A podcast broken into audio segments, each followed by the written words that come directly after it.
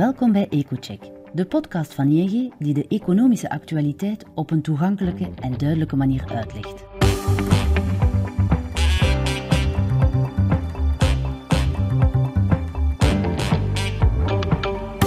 Om de twee weken buigen onze economen zich over de meest besproken gebeurtenis en analyseren zij de economische en financiële gevolgen voor u of uw onderneming.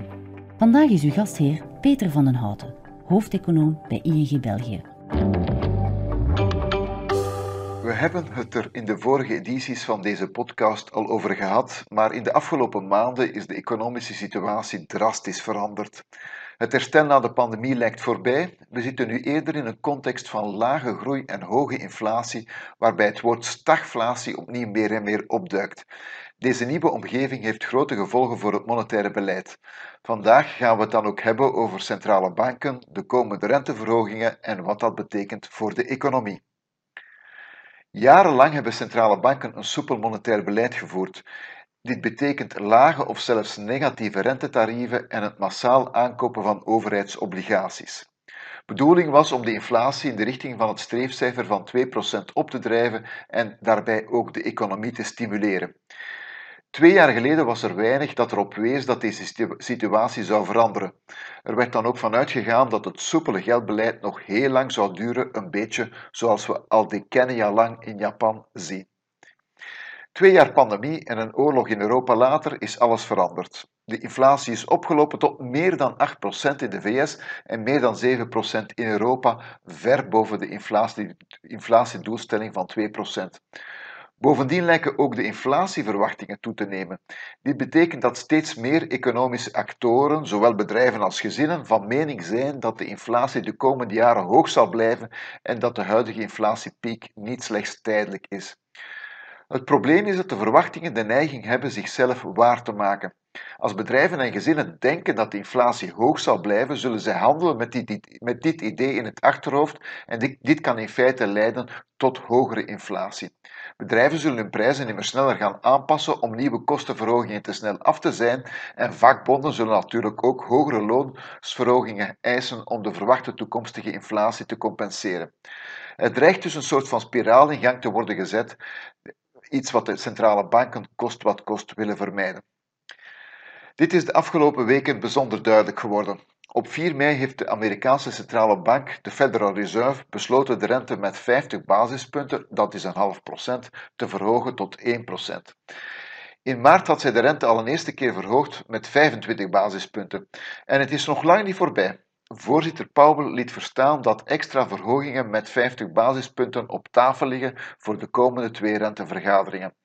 Later in het jaar zijn er nog meer renteverhogingen gepland, waardoor het belangrijkste rentetarief van de Fed tegen eind 2022 op 3% zou moeten komen en volgend jaar zelfs nog iets hoger zou kunnen gaan. De Fed zal ook vrij snel de omvang van haar balans beginnen af te bouwen. Dit betekent dat ze al die obligaties die ze in de voorbije jaren heeft gekocht, geleidelijk weer van de hand zal doen, waardoor de centrale bank de facto geld uit de economie weghaalt. De urgentie om op te treden komt voort uit het feit dat de inflatie hoog is, maar dat ook de inflatie in de VS voornamelijk te danken is aan de kracht van de binnenlandse economie. Met name de arbeidsmarkt is uiterst dynamisch, hetgeen tot sterke loonsstijgingen leidt en de inflatie verder in de hand werkt. Om een langdurige loonprijsspiraal te voorkomen, wil de Fed daarom nu snel handelen. Het probleem is dat snelle renteverhogingen uiteraard een groter risico van negatieve gevolgen voor de economie inhouden dan langzame, meer geleidelijke maatregelen. En we beginnen de eerste gevolgen van de renteverhogingen al te merken, vooral op de huizenmarkt, waar de hypotheekrente in vier maanden tijd met meer dan 2% is gestegen en de hypotheekaanvragen duidelijk beginnen teruglopen. Dit zal ertoe leiden dat uh, ja, er minder wordt gebouwd en er ook een sterke vertraging van de Amerikaanse economie in 2023 zal komen, waardoor de inflatie zal dalen, zodat de Fed misschien zelfs zou kunnen overgaan tot een renteverlaging aan het einde van 2023. Naar alle waarschijnlijkheid zullen de rentevoeten echter wel boven het niveau van de afgelopen jaren blijven liggen. In Europa is de situatie enigszins anders. Het is waar dat inflatie hier ook zeer hoog is, Maar dat is hoofdzakelijk te wijten aan de sterke stijging van de energieprijzen. Die inflatie wordt dus in belangrijke mate geïmporteerd en is niet het gevolg van een oververhitting van de Europese economie. Dit brengt de ECB in een lastig parket. Zij kan niet veel doen aan de geïmporteerde inflatie omdat zij de prijs van aardgas, olie of zonnebloemolie nauwelijks kan verlagen. Maar tegelijkertijd vereist haar mandaat dat ze de inflatie bestrijdt en de lange termijn verwachtingen voor de inflatie zijn de afgelopen twee, drie maanden ook wel sterk gestegen.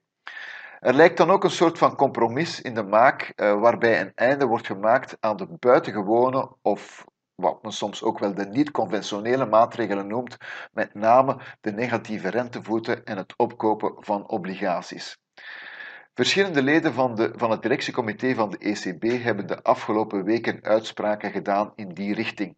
Wij verwachten dan ook dat de ECB eind juni een einde maakt aan de netto aankopen van obligaties en in juli de rente begint te verhogen en dat zou nogmaals kunnen gebeuren in september. Dit betekent concreet dat de depositorente van de ECB, die momenteel min 0,5% bedraagt, tegen het einde van het derde kwartaal al op 0% zou kunnen uitkomen. Een derde verhoging aan het einde van het jaar is zeker nog mogelijk, maar veel verder zal het waarschijnlijk niet gaan. De Europese economie vertraagt immers al sterk als gevolg van de oorlog en verdere renteverhogingen zullen die vertraging waarschijnlijk nog versnellen. Ook al stijgt de rente in Europa minder dan in de VS, dan nog heeft dit gevolgen voor de Europese economie. De verwachting dat de ECB de rente gaat verhogen drijft immers nu al de lange termijn rentevoeten op. Zo is de rente op staatsobligaties al sterk gestegen. Eind vorig jaar was de 10 jaar rente op Belgische staatsobligaties nog negatief en vandaag bedraagt die al 1,75 procent. De financiering van de schuld wordt in dergelijk klimaat dus duurder voor de Europese staten. Ook andere rentetarieven stijgen, met name die op woninghypotheken, hetgeen gevolgen heeft voor de woningmarkt, maar uiteindelijk ook voor de groei. En het is ook niet onopgemerkt voorbijgegaan dat in een klimaat van stijgende rente de aandelenbeurzen het een stuk moeilijker krijgen. Stof genoeg dus om over na te denken en in toekomstige afleveringen van deze podcast komen we daar zeker op terug. Zo, dit is het voor vandaag. Bedankt om te luisteren naar deze aflevering. Aarzel niet om onze EcoCheck podcast te volgen, zodat u geen enkele aflevering hoeft te missen. Wilt u meer weten over economisch en financieel nieuws? Ga dan naar ing.be-mijn-nieuws en ontdek alle analyses van onze econoom.